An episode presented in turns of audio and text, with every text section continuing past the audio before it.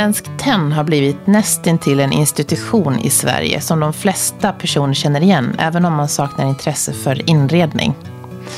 Estrid Eriksson grundade företaget redan på 20-talet och hon var en okonventionell inredare och designer som kom att kallas affärskvinna i sköna ting. Men vem var hon egentligen och hur kommer det sig att Svensk Tenns inredningsstil fortfarande är lika populär än idag? I veckans avsnitt samtalar jag med Tommy Binderfeld som är marknadschef och kreativt ansvarig på Svensk Tenn. Välkommen till Inredningspodden, Tommy Binderfeld. Tack så hemskt mycket. Tack för att jag får lov att vara här. Och det är inte varje dag man sitter i ett runt rum med, fyllt med Josef Frank-tyger. Det är lite speciellt det här rummet som är, som är nästan helt runt. Eh, med ett av våra mötesrum, så här hamnade vi.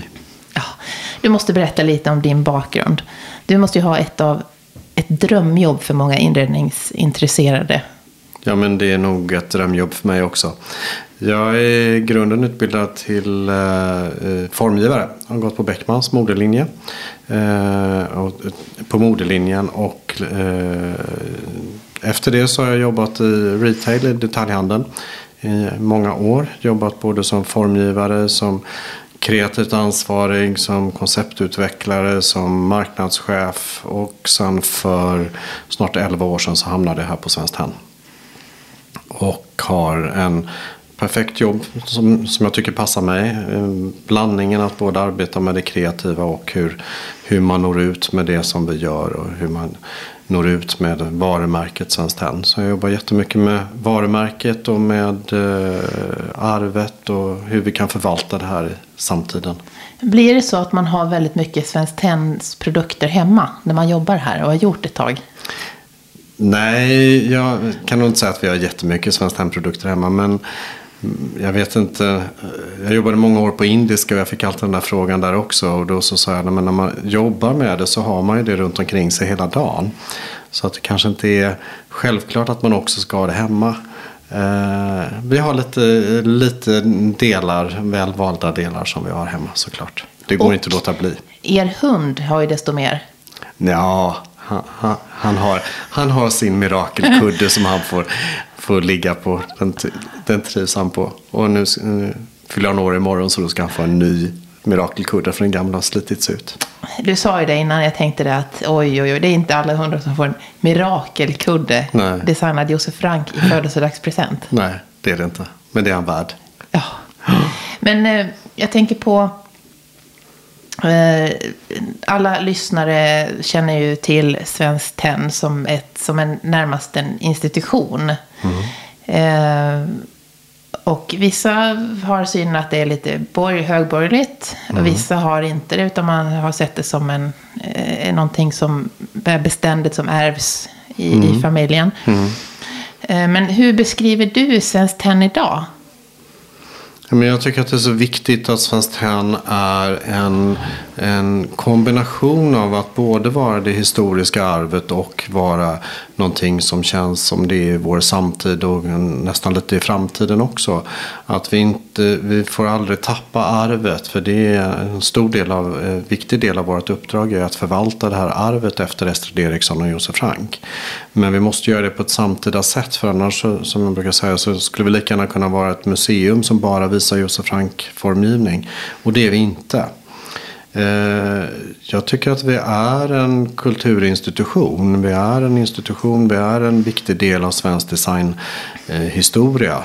Men också, vi skapar något nytt hela tiden också för att vara här. Mm. Ni har ju mycket samarbeten och du driver ju i den, ansvarar för den biten och tar in mm. Eh, väldigt spännande samarbeten. Mm. En, av, mm. en av poddens eh, tidigare gäster har ju gjort ett samarbete med med det Lars Nilsson till mm. exempel. Mm. Ja, vi, vi gör mycket samarbeten och försöker göra det på ett sätt som eh, om jag väljer de, de vi samarbetar med väldigt mycket utifrån en estetik tror jag. Snarare än att det, vad det är för person.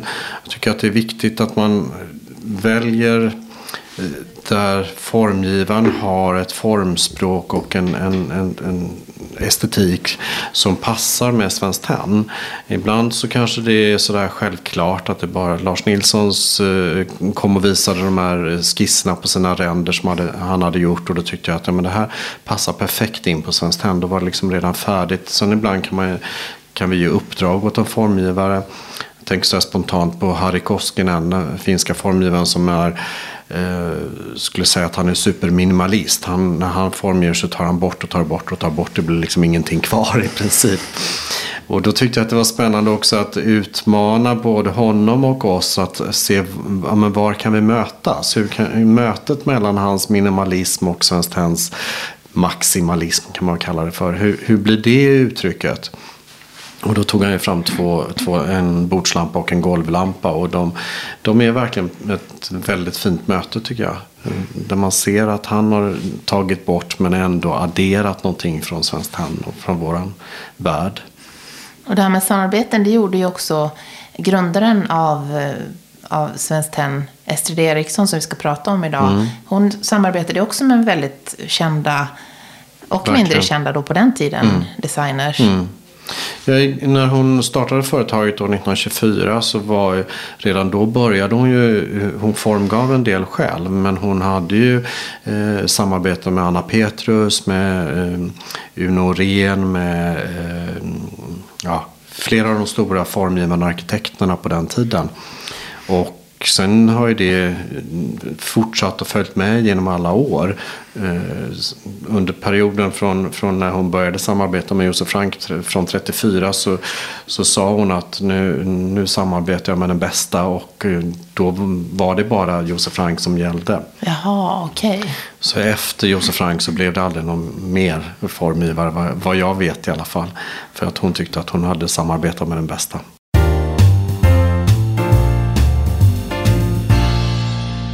Vem var Estrid Eriksson? Hon var uppväxt i Jo, en jättefin liten stad. Ehm, och hennes pappa hade värdshuset i Jo. Och eh, hon gick i skola där. Och eh, var, mm, som vi förstår, eller som man kan läsa sig till, så var hon väldigt delaktig i, i värdshuset. Och var med när det dukades bord och gjorde fint och sådär. Men om man tänker att det här är början på 20-talet. och Eh, kvinnor. Vad fanns det för yrken för kvinnor att, att utbilda sig till? Ja, men man blev lärarinnor. Så hon, eh, eftersom hon då också hade någon estetisk ådra så tror jag, alltså min tolkning är att ja, men då valde hon att utbilda sig till teckningslärare. Det var liksom den vägen man kunde gå förmodligen när man var så hon flyttade till Stockholm och gick på Tekniska skolan, det som idag är Konstfack. Och utbildade sig till teckningslärare. Och arbetade också i eh, inredningsbutiker i Stockholm och lärde sig väl det också då. Och sen var hon tillbaka en sväng i Jo och eh, under en kortare tid var hon då teckningslärare. Men bestämde sig för att hon skulle flytta till Stockholm och öppnade då firma Svenskt Tenn 1924. Ja, det måste ha varit oerhört.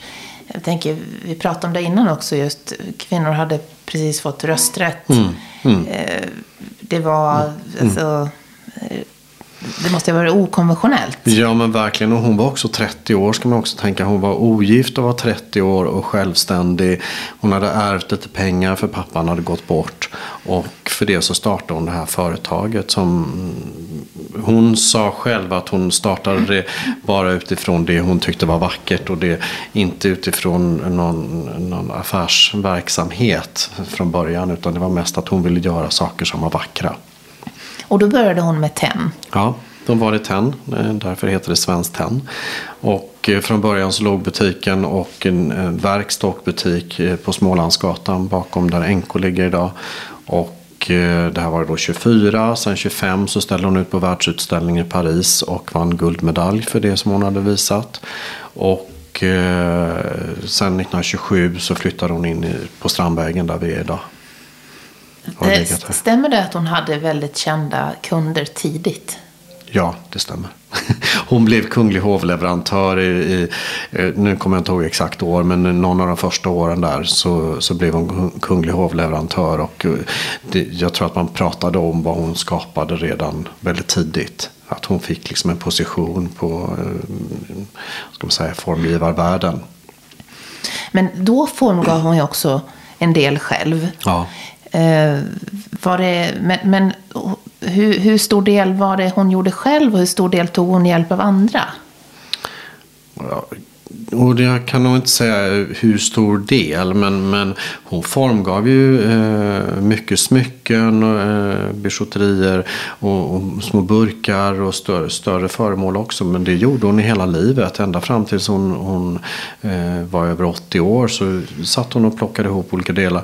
Hon hittade ofta inspiration när hon var på utställningar på Etnografiska museet och såg någon fantastisk urna i, eh, från Peru och eh, någon gammal eh, prekolumbiansk urna. Och sen så eh, gick hon då till tenngjuteriet som hon hade i, i samband med butiken.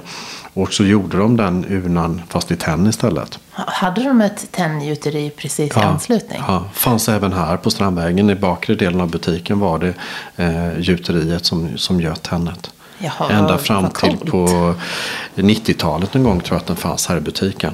Jaha. Mm. Det var ju Så hon satt uppe på sitt kontor och så gjorde hon skisser eller om hon satt och plockade ihop olika delar och så gick hon ner till, till uh, de som, som gjorde uh, göt i tenn. Men sen fick ju tennet ett, ett, ett, en nedgång som material. Och kriget, eh, andra mm. världskriget mm. kom också. Hur, hur såg det ut då för, för Svenskt Tenn? Ja, innan kriget så hade hon ju börjat då samarbeta med Josef Frank. Så att det var ju egentligen eh, det som, som var den stora delen av sortimentet. Blev ju, utvecklades ju till att bli ett in, eh, inredningsföretag mer än bara tennföremål. Så eh, egentligen så började hon redan 1930 så flyttade hon in i eh, sin, en lägenhet i samma fastighet och skulle inreda den. Och hittade då inte möbler som hon ville ha till sin lägenhet. Utan då började hon låta eh, Uno Ren tror jag det var som började formge möblerna åt henne. Och då blev det också möbler som hon började sälja i butiken. Eh, nere i källaren hade hon möbler. Ja, okej. Okay. Så, att, så att där började hon med lite möbler och inredning. Och sen så blev det mycket mer då i samband med att Josef Frank kom 1934 till företaget. Hur, hur kom hon i kontakt med Josef Frank då? Hon hade sett, eh, hon var hemma hos en familj, familjen Lundberg som hade bott i, i Wien. Eh, på tidigt 20-tal så hade de flyttat tillbaka till Sverige och hon var hemma hos dem och tittade eh, och såg de möblerna de hade tagit med sig. Och tyckte mm. att det var det absolut vackraste hon hade sett i möbelväg och började försöka få någon slags kontakt med Josef Frank de, både Frank och eh, Estrid Eriksson ställde ut på olika världsutställningar under de här åren. Världsutställningar då var ju, mm, det var ju liksom där man såg det nya. Det var ju som den tidens Instagram. Det var ju där alla visade upp sig. Eh, så de var ju på samma världsutställningar men vi vet inte liksom om de träffades eller var, eh, om de började diskutera något samarbete. Men, men det fanns en, en dialog och sen när eh, Josef Frank var ju en av de stora arkitekterna i mellankrigstiden egentligen i Europa. Han var ju samma ingick i samma grupp som Le Corbusier och Mies van der Rohe, de stora arkitekterna. Ehm, men, och han var professor i arkitektur. Eh, men eh, Josef Frank var jude. Och det var jättetufft i, i början på, på 30-talet i, i Österrike och i Wien framförallt. Eh, och han var gift med Anna som var svenska. Och då 1933 så bestämde de sig för att flytta till Sverige, till hennes hemland. För att eh, han fick mindre och mindre uppdrag. Och jag tror att det även var så att han inte kunde sitta kvar på sin professorstjänst. Så att eh, då eh, kom de till Sverige i december 33 och i januari 34 så började han samarbeta med Estrid Eriksson. Men då hade de haft kontakt innan? Någonting måste de ju ha haft eftersom det var så kort tid emellan också. Eh, så att det fanns någon dialog men vi har inte det riktigt dokumenterat vad. Men det måste ha funnits någon dialog emellan. Hur, har man någon uppfattning om hur deras samarbete såg ut? Men det, det, finns något eh, fantastiskt citat som jag älskar. Och det är att, att eh, hon, hon, nej, han, han, gör allt som hon önskar. Och hon accepterar allting som han gör. Det måste vara en perfekt kombination i ett samarbete. Eh, och de var ju otroligt eh, vad heter det, ödmjuka eller vad man ska säga. Att de, de satte ju varandra också på en, Hon kallade honom för professor Frank i princip hela livet och han kallade henne för fröken eller fru Eriksson. Så de hade ju också en sån respekt för varandra och för det de gjorde. Och hon var ju mera som den som Ja, men om man skulle kalla henne för stylist eller för den som, som satte samman. Hon ju, skapade miljöer, skapade inne, skapade plattformen för att visa upp Franks produkter. Och hon var ju den affärsdrivande i det, så han gjorde ju det som hon önskade. Och eh, sen satte hon ihop det och, och skapade miljöer runt omkring det. Jag läste att innan Josef Frank så var det ganska färglöst på Svenskt Tenn. Mm. Och efter så blev det mm. Hela havet stormar. Ja, ja hela havet stormar.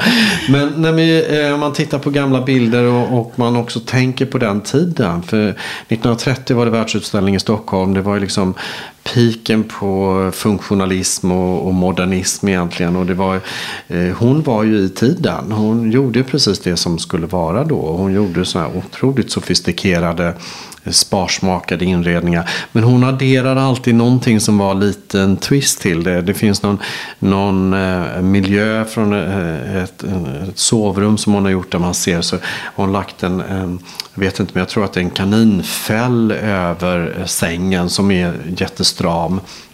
Så hon gjorde, tog in någonting mjukt och det uppmärksammades för att det var så annorlunda då. Men sen när, när Frank kom så, så blev ju de som i symbios. Jag tror att han påverkades såklart av hennes eh, estetik. Men hon påverkas ju jättemycket. Det finns också bilder från hennes hall där man kan se före och efter Frank. Och det är två helt olika rum. Eh, ser det ut som. Men, men hon, hon, tog med sig verkligen det här. Eller hon fick till sig den, verkligen det här värmen och mönster och, och rikheten som finns i Franks formgivning.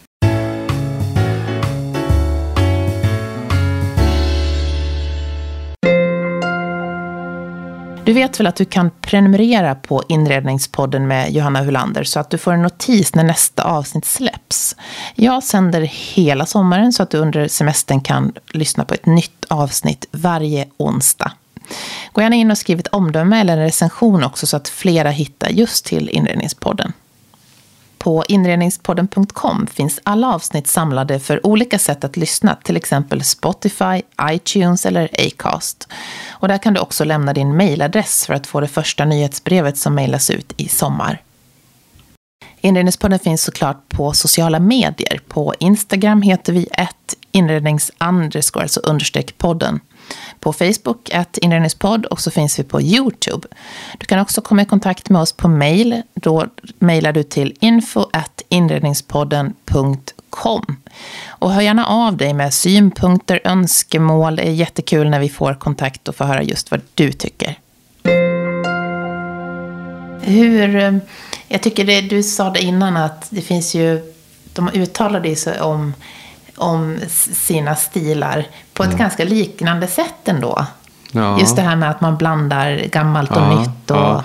ja, de skapade Josef Frank hade, har ju formulerat en, en filosofi som man kallar för accidentism.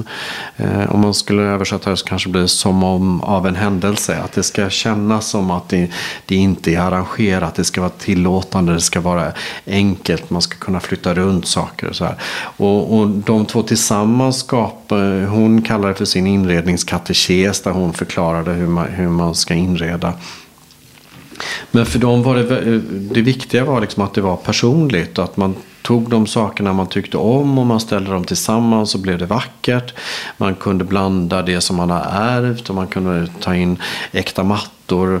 Man, egentligen så, så som man ser Svenskt Tenn i Svenskt eller som man ser Josef Franks formgivning på Svenskt Tenn idag, så är ju egentligen inte enligt inredningsfilosofin, för då skulle man ju blanda in antikviteter och modern formgivning. Det skulle vara mycket mer eh, en blandning av olika saker, men vi är ju en butik, så vi visar ju det på det sättet. Som mm. det. Vi har en inredningsateljé och de arbetar väldigt mycket utifrån det när de gör privata hem eller inredningsuppdrag. De gör ju verkligen så som Frank har sagt, att blanda med det gamla och nya saker. Mm. Och sen hennes arbetsrum står ju intakt här uppe i mm. tesalongen. Mm. Där var det ju, är det ju lite så, mm. blanda hit och dit. Mm. Och, ja, men ja. där ser man hennes eh, estetik, hur hon blandar olika saker. Hur hon har, eh, ja men där ligger det i lådorna, ligger det blandat eh, ädelstenar med plastkulor. Och, och på hyllorna står både högt och lågt verkligen. Mycket inspiration från Asien och det som de kallar för orientalismen. Och det här att man, man tog in andra kulturer var väldigt viktigt för dem båda två. Sen så äh, berättade du vid något tillfälle att hon fick ju en fantastisk 50-årspresent av Josef Frank. Ja, eh, när eh, eh, paret Frank kom ju till Sverige då 33 och sen när eh, tyskarna ockuperade Norge och Danmark så blev de oroliga igen för att stanna i Sverige. Så 41 tror jag det är som de eh, åker över till Amerika och då kan man också tänka på det är mitt under brinnande kriget. Så de åkte via Sydamerika på något sätt för att komma till New York där eh, Josef Franks bror faktiskt eh, redan bodde och var en av Einsteins närmaste män. Eh, men då så sitter de där i New York och de har, eh, ingen av dem har särskilt mycket att göra tror jag. Men han sitter väldigt mycket vid sitt köksbord och, och, och gör eh, alla de här fantastiska mönstren. Vilket också är kul att tänka på att mitt under brinnande kriget, han har sin judiska bakgrund. Det kanske finns, förmodligen så är det jätteoroligt för, för vad händer med hans släktingar och familj i Europa. Och där sitter han och gör de här mest fantastiska fantasimönstren. Som ett sätt för honom förmodligen att komma iväg och tänka på något annat. Och komma, tänka, bort, tänka bort i fantasin. Terapi. Ja, ja, men säkert. Och man tittar på de här starka härliga färgerna som vi idag bara uppskattar för att de är. Men också tänka på tiden när de gjordes. Att det är under den värsta tiden i, i, i vår tid. Värsta åren i vår tid. Eh, men, eh, jo, men då sitter han där och, och då finns det en story som säger att han skickade eh, två paket tydligen med, med 50 mönster till henne som han hade suttit och gjort i New York. Skickade han till Estrid Eriksson i födelsedagspresent när hon fyllde 50 år. Och det gjorde hon då 34. Ja, att de kom fram? Ja, nej, 44 måste det ja. vara såklart. Ja, 44 fyllde hon 50 under andra världskriget så kom de över krig. havet fram till henne i alla fall. Och där i låg en liten, en liten eh, lapp eller en note. Och, som det står att eh, de här lär räcka ett tag framöver.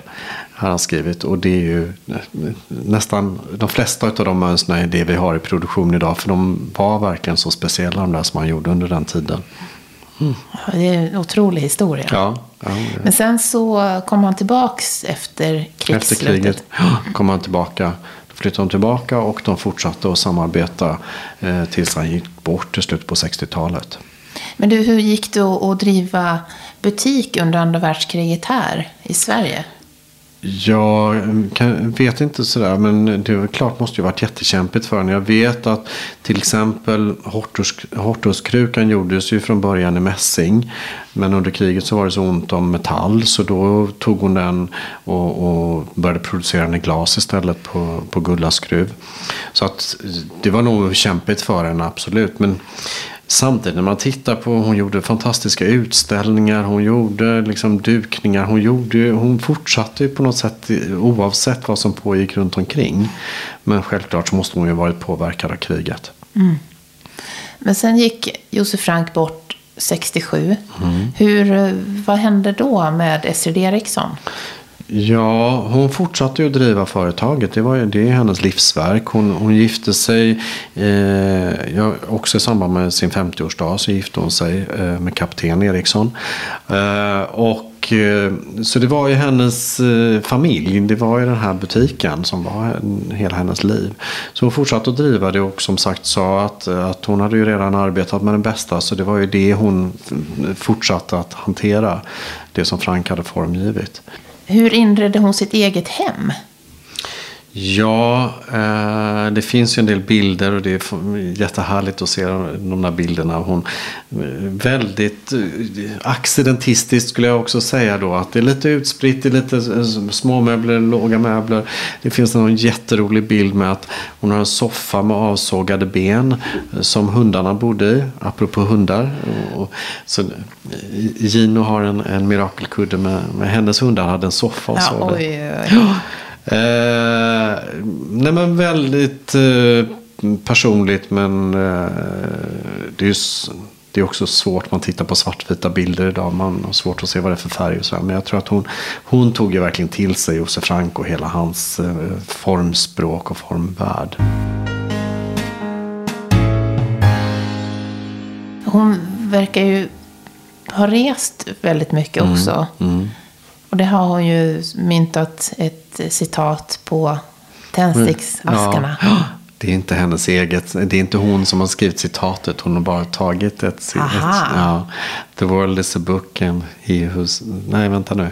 The world is a book and he who stays at home reads only one page. Ja. Så är det väl.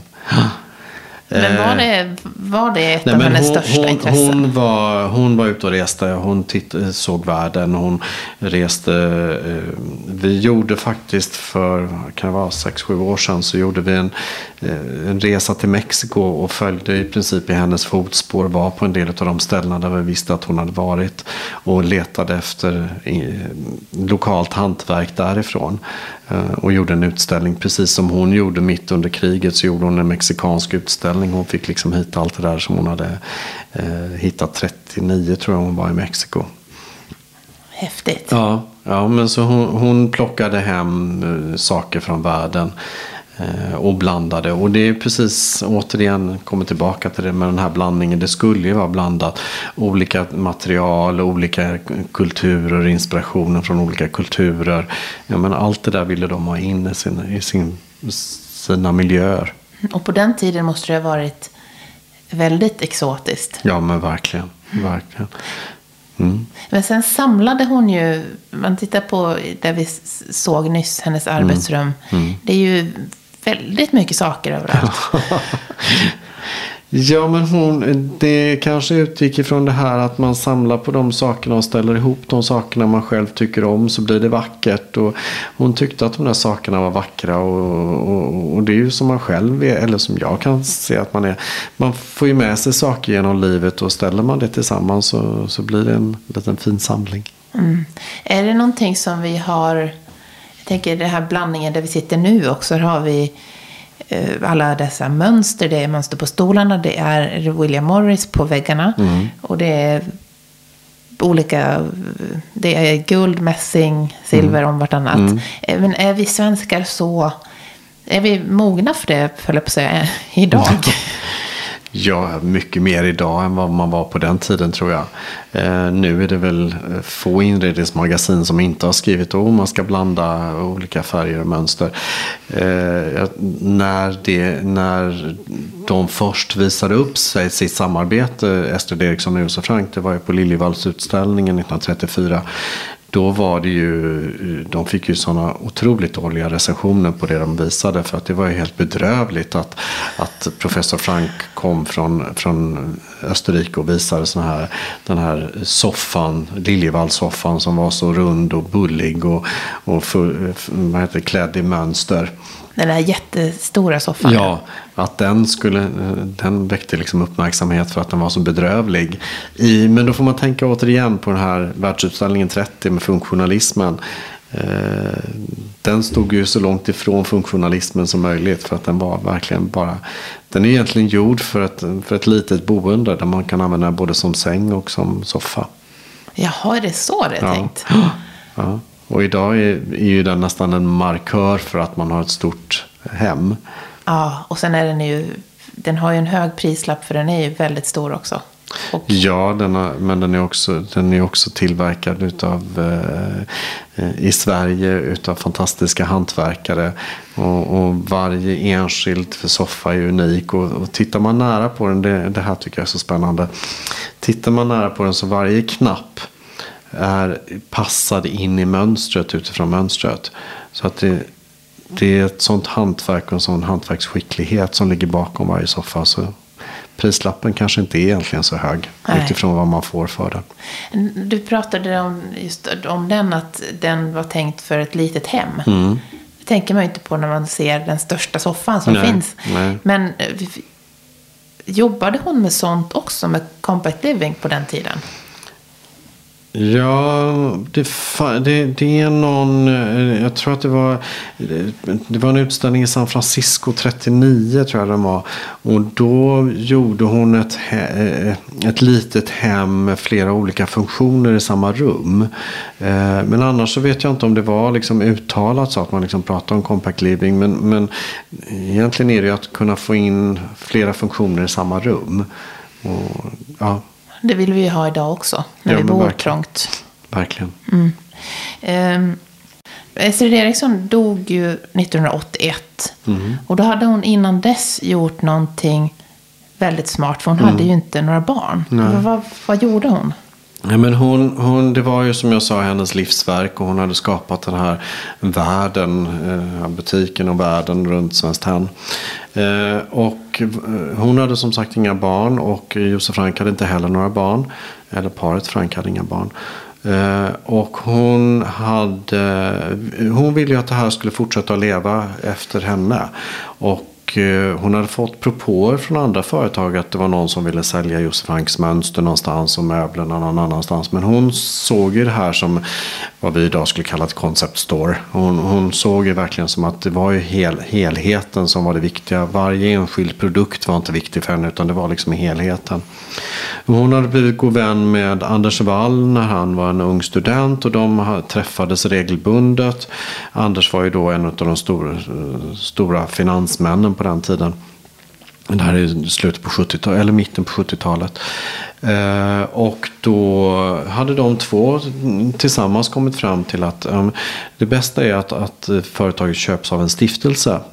Och då eh, bildas något som heter Kjell och Märta Beijer stiftelse. Det finns kopplingar både till Anders Wall genom Kjell Beijer och Märta som då var gift med Kjell Beijer hade arbetat på Svenskt Tenn eh, tidigare. Så det fanns massa olika kopplingar i det här. Och då är stiftelsen, eh, eh, eller löftet till Estrid Eriksson i och med att hon sålde till en stiftelse var att då, då, kan det här företaget leva för evigt. För att det finns ingen privat ägare som vill eh, tjäna mer och mer pengar ur företaget. Utan det, det som finns i stadgarna det är att vi ska värna om arvet efter Estrid Eriksson och Josef Frank. Och att all eh, vinst som företaget genererar ska gå till forskning. Inom medicin och inom ekologi framförallt. Det finns några mindre områden också. Men framförallt medicin och ekologi. Och det stipulerades och det skrevs då redan 74-75 när det här eh, övertaget gjordes utav stiftelsen. Eller stiftelsen köpte företaget. Så att hon säkrade ju verkligen framtiden för Svenskt Tenn och för sitt eh, livsverk. Genom att, att eh, inte låta någon bara köpa företaget och driva det. Det är ju mm. väldigt smart tänkt. Ja, väldigt långsiktigt kan man ju säga också. I och med att det ska mm. överleva för evigt. Men om man tittar också på, på andra. hon var ju inte helt unik i att starta företag, som kvinna att starta företag där i början på 20-talet. Men, men väldigt få av dem har lyckats överleva. Och, och jag kan nästan vara 100% säker på att vi skulle inte sitta här och prata om Svenskt Tenn idag om inte det var för stiftelsen som säkrar att vi kan fortsätta att arbeta på det här sättet vi gör. Och att vi kan då också det vi pratar om med hantverk. Och, jag menar allt, alla de här värderingarna och värdet i företaget ligger i att, att vi kan säkra det genom att vi har stiftelsen som ägare. Det finns inga eh, planer på att det ska bli ett mm, eh, världs, eh, expandera, att det blir något världsomspännande företag eller någonting. Utan det, vi har det här i den här formen som det är idag ska det fortsätta att vara. Mm, för det sa jag till dig innan här, att mm. tänk om man kunde ha ett hotell som var mm. inrett mm. med Svenskt Tenns produkter. Eller, mm. ja, mm. och så det vidare, skulle man säkert kunna göra. Men, men det finns inget eh, mål eller det finns ingen... Eh, det finns ingen vi har ett jättetydligt ramverk från våra ägare eh, hur vi ska hantera varumärket. Och, och där finns inga såna, inget sånt i vårt uppdrag idag. Utan det är en butik Ja. och webbshop. Ja, precis. Och så finns det en, en, en presentbutik i Göteborg som sedan 70-talet säljer delar av sortimentet också. Butik Tina i Göteborg. Där de är undantaget från regeln. Tror du att hon skulle känna igen sig i butiken idag? Ja, jag tror att hon skulle göra det. Och jag tror att eh, min bild av Estrid Eriksson så tror jag att hon skulle uppskatta att det är Eh, att vi är också samtida. Jag tror att hon skulle tycka att det är härligt att vi också gör nya saker. Att det händer nya, nya saker hela tiden. Eh, jag tror, jag tror inte, hon, hon var själv inte bara förvaltande utan hon var också utvecklande. Så att jag tror att hon skulle uppskatta det. När man tittar på målgrupperna för, för Svenskt Tenn. Hur har det förändrats genom tiderna? Från det hon började till idag? Kan man se sådär att ja, det har skiftat väldigt mycket eller det är ungefär samma målgrupper? Jag tror att vi de sen, jag kan ju egentligen bara prata om de åren jag har varit här. Men jag, jag tycker att vi, vi når ut och får fler och fler att upptäcka den här skatten som jag faktiskt tycker att vi sitter på. Eh, och fler och fler att se vad vi gör. Eh, jag tror att en målgrupp Finns det någon typisk Nej, Svenskt men jag tror inte att det gör det längre. Det finns någon, någon bild av att det skulle ha varit så förr. Men jag, jag tycker inte att det gör det. Jag kan inte riktigt se det. Om man står en dag eh, i butiken så ser man all, alla olika varianter. Det, det, jag tycker inte att det finns liksom någon sån här typisk Tenn-kund längre. Som det kanske har gjort tidigare. Ehm, det, det som är också spännande om man tittar på historien så för Josef Frank var uttalad socialist eh, och Estrid Eriksson tyckte det var jätteviktigt att de kunderna som var inne i butiken kunde ta med sig någonting billigt också. Så hon började med brickor och pappersservetter redan på sin tid för att man skulle kunna få med sig lite av Josef Franks mönstervärld hem utan att köpa Liljevallsoffan för det. Så de var ju väldigt, båda två var väldigt måna om att, alla att det skulle vara tillgängligt. Finns det någon okänd sida hos Estrid Eriksson som, som, man inte, som, som många av lyssnarna inte vet om? Jag vet inte hur många som vet om och inte vet om vad de vet. Men, men eh, när du frågar så tänker jag på att hon, eh, eh, hon var väldigt trädgårdsintresserad. Hon hade sitt sommarställe som hette Tolvekarna. Eh, vilket också är lite kul att det heter Tolvekarna. För eh, bort, i filmen Borta med vinden så finns det en gård som heter Twelve Oaks. Så jag tror hon tog det därifrån men hade, hade tolv ekar på sin egen tomt. Eh, men där ute var hon på helger och på somrarna och eh, sen kom hon in till butiken på, morgonen, på måndag morgon med, med grenar och kvistar och blommor som hon hade plockat ute i sin trädgård och så dekorerade hon butiken full med växter. Hon var ju, hade någon dröm om eh, att bli eh, trädgårdsarkitekt tror jag. Eh, jag läste någonstans att någon har sagt. Så hon var väldigt trädgårdsintresserad. Och det, det är också ett arv som vi försöker också hantera genom att vi, vi har ju väldigt eh, vackra och eh, rika blomsterdekorationer. Vi tar med det när vi gör utställningar. Och bland annat så gjorde hon faktiskt en utställning som, som hon kallar för 100 vaser med blommor i. eh, När, eh, I utställningsytan. Hon gjorde mycket utställningar och spännande samarbeten då som hon visade upp. Finns det hundra vaser i sortimentet? Kanske inte var hundra olika. Det, det vet vi ju inte. ja, men det var nog en blandning av det som fanns. Och flera av varje antagligen. Det finns en bild någonstans på den där utställningen. Jag ska studera lite noggrannare.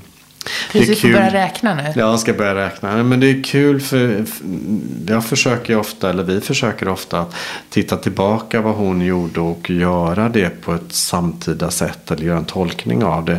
Jag tänker på vi det finns en bild när hon visade Murano-glas på Svenskt Tenn. Och, och det var egentligen uppstarten till det samarbete som vi gjorde med Luca Nichetto som är italiensk formgivare uppväxt på Murano som gjorde fantastiska lampor, eller har, gjort och som fortfarande finns i produktion. Eh, fantastiska lampor de som tillverkas på Murano.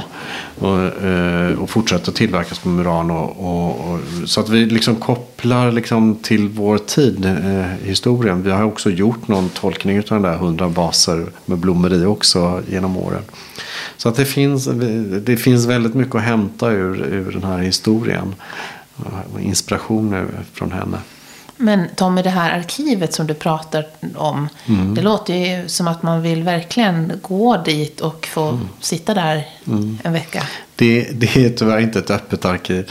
Eh, alla ritningar och förlager. Josef Frank lämnade ju ungefär 200 mönsterförlager och eh, 2000 möbler, ritningar och skisser. Eh, allt det ligger på, på Riksarkivet, på Sveriges Riksarkiv. Och där får nästan ingen lov att ta, gå in utan vi använder väl avbildade kopior när vi arbetar med dem. Mm. och sen det, föremålsarkivet ligger i, i, i samma som museitjänst där museerna har sina föremål. Och och eh, än så länge det är ett stängt arkiv. Det finns några forskare som får gå in i det och, och vår, eh, våra intendenter som arbetar med arkiv och samlingar. Eh, men de, vi håller på och se till att det i framtiden skulle i alla fall vara tillgängligt eh, digitalt. Så man kan gå in och titta på det digitalt.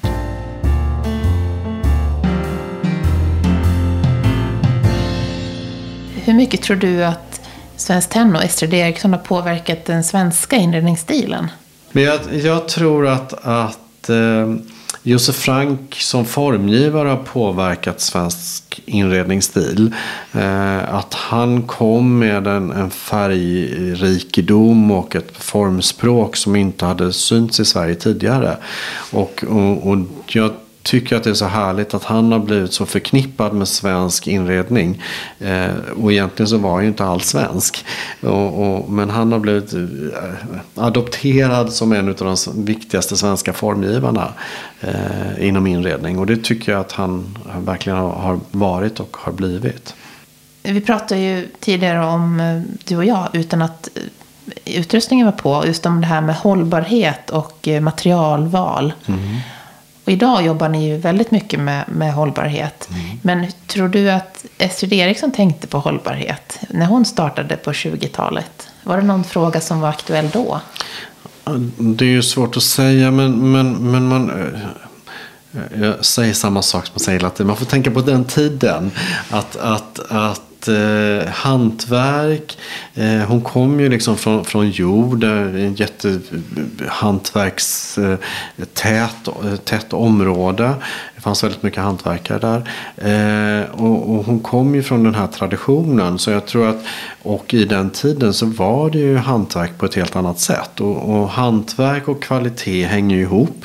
Och, och, och, då blir det ju långsiktigt. Då blir det också bra produkter som kan leva över tid. Så, så det är klart att jag tror att hon hon var ute efter att få en estetisk höjd och en god kvalitet. Och då blir det ju hållbart långsiktigt. Eh, och tittar man på Josef Franks formgivning så är ju den så tidlös. Och det gör ju att den är, att den är hållbar. Eh, för det är ju väldigt få möbler som man slänger för att de inte passar in längre. Utan då är det så hög kvalitet så kan man också sälja dem eller ärva dem. Eller det finns ju ett andrahandsvärde eller till och med tredjehandsvärde på Svenskt Tenn-produkter. Mm. Det är lite häftigt också att Idag tillverkar ni till 90 procent i Sverige. Mm. Och att det också gör att vissa företag faktiskt kan mm. klara av att hålla sin verksamhet eh, vid liv. Mm. Till exempel eh, vasen Dag. Mm. Ja, nej, men Dagvasen, den, är, det är tio år sedan vi lanserade den nu, eller som vi kom, tog fram den. Och första åren var det ingen storsäljare. Det, det, det tog några år innan den. Och det är också härligt att vi har en möjlighet att ha kvar produkter. Eh, vi säljer ju inte ut saker som bara för att de inte säljer den första utan vi låter det finnas kvar. Var det så med Dag? Ja, de första åren var det eh, väldigt trögt. Eh, och sen har den liksom blivit en av våra storsäljare och verkligen syns och uppmärksammats mycket. Och det har gjort att Skruvs glasbruk har kunnat anställa tre personer till för att blåsa vasen. Och det är jätteroligt. Och mycket av Ja, men allting som vi tillverkar så Sverige tillverkas ju av eh, mindre lokala företag. Allt ifrån eh, Larsson korgmakare i en källare i Gamla stan som gör alla våra rottingmöbler till eh, Sjögren som gör alla stoppmöblerna. Och de gör ju det, det är ju liksom haute couture det de gör egentligen in, inom inredningsvärlden. Eh, hur de klär möblerna och sofforna. Bara det, med rottingen tycker man ju är lite speciellt. Ja men visst är det fantastiskt. För ni har ju ganska mycket rotting. Ja, Erika är ju eh, fjärde, generationen, fjärde generationens rotting, eh, tillverkare. Rotting, eh, rot, rottingtillverkare kan det heta. Ja, det är ett nytt ord. Eh, Korgmakare heter det ju egentligen, men jag tror inte... Ja. Eh, Erika är fjärde generationen eh, korgmakare. Och eh, hennes farfar arbetade med, eh, direkt med Josef Frank. Så de har jobbat med Svenskt Tenn i många, många år. Och är en av de få som tillverkar rottingmöbler i Europa fortfarande. Det är några få företag i Europa som gör det och det är bland annat Erika. Häftigt. Vad är det som säljer mest idag på, på Svenskt Tenn? Finns det någon sån där- här fem i topplista? Att det här är... Ja, om man tänker eh, på antal så kan man ju säga då, ja men det är ju daggvasen och knuten ljusstaken och de här kända ikoniska produkterna. Men om man tänker penningamässigt så kanske det är Liljevalchssoffan. Jag vet inte, jag har inte tittat på det på det sättet. Men det är svårt att säga vad som säljer bäst. Bäst ur, ur, ur eh, Vilket perspektiv? Ja, ur vilket perspektiv. Få Liljevalchssoffor blir ganska mycket pengar i jämförelse med, med daggvasen. Eh, vad, vad har du själv för sådär, personliga favoriter? Att det här, är, det här skulle jag själv vilja ha. Jag tycker att eh, Josef Franks vitrinskåp, det här som, som står på, på spolar. Som är ett fantastiskt hantverk. Och det är, ja, men det är så magiskt eh, formgivning. Ja, men den tycker jag är den. Om jag ska välja en möbel. Och när det gäller mönster, Josef Franks mönster då? Ja men det är ju mirakel. som Gino ska få i födelsedagspresent. Sådan hund, sådan säga. Precis, ja, men det är så mycket med det mönstret. Det finns en, en, en fin historia bakom det. Eh, han tyckte själv att det var ett mirakel att han fick till rapporten på det. Eh, jag som, som eh, formgivare, eh, utbildad formgivare, tittar på det. Att, att få, få till den där rapporteringen som han har gjort. Där, där, inte bara förskjutit rapporten utan också eh, vänt den upp och ner. Det är jätteavancerat och det kan man göra idag i dator eller på med en kopiator. Men han satt vid köksbordet i New York och gjorde det här mönstret. Och sen är det också en liten rolig anekdot för, för min personliga del är att när jag gick på Beckman så fick vi gå till Svenskt Tenn och så fick vi välja ut ett mönster som vi skulle, för att lära oss rapportering, så fick vi välja ut ett mönster som vi skulle kopiera. Oj. Och då valde jag Mirakel, så jag har kämpat med den där för att få till den där rapport, förstå hur han har rapporterat det. Du förstår det verkligen Ja. med liksom handen. Ja, precis. Om, eh, I den här podden så får man ju önska en person som man skulle vilja lyssna på. Ja, men jag tycker att det är så fantastiskt det här som, som finns i Sverige som få vet om. Och det är ju produktion och hantverket. Och, och vi värnar så mycket om det och försöker lyfta fram dem som verkligen eldsjälar som brinner för att producera och göra det på bästa möjliga sätt. Jag tycker att ehm, eh, Kent på Skruv är en jättebra person som har lyckats hålla kvar det här glasbruket och få det att att vara lönsamt. Eh, ja, men det finns flera olika sådana här. Det, det, vi har garverier i Sverige som gör helt ekologiskt tillverkat eh, garvat skinn på ekologiska djur. Det är väldigt få som gör i världen. Ja, men de här som verkligen eh, håller kvar och säkrar framtiden för svenskt hantverk. De skulle jag vilja eh, få, eh, låta få berätta om vad de gör och hur de lyckas. Kanske vi kan ha ett samlat avsnitt. Absolut. Men, Li- lite olika ur olika perspektiv. Det är jättespännande. Hur kommer man i kontakt med dig och med Svenskt Tenn? Ja, men man tittar på vår hemsida så finns min mailadress där. Så skriver man till mig. Och så försöker jag bästa möjliga mån svara. Tusen tack Tommy Bindefeld. Tack så jättemycket.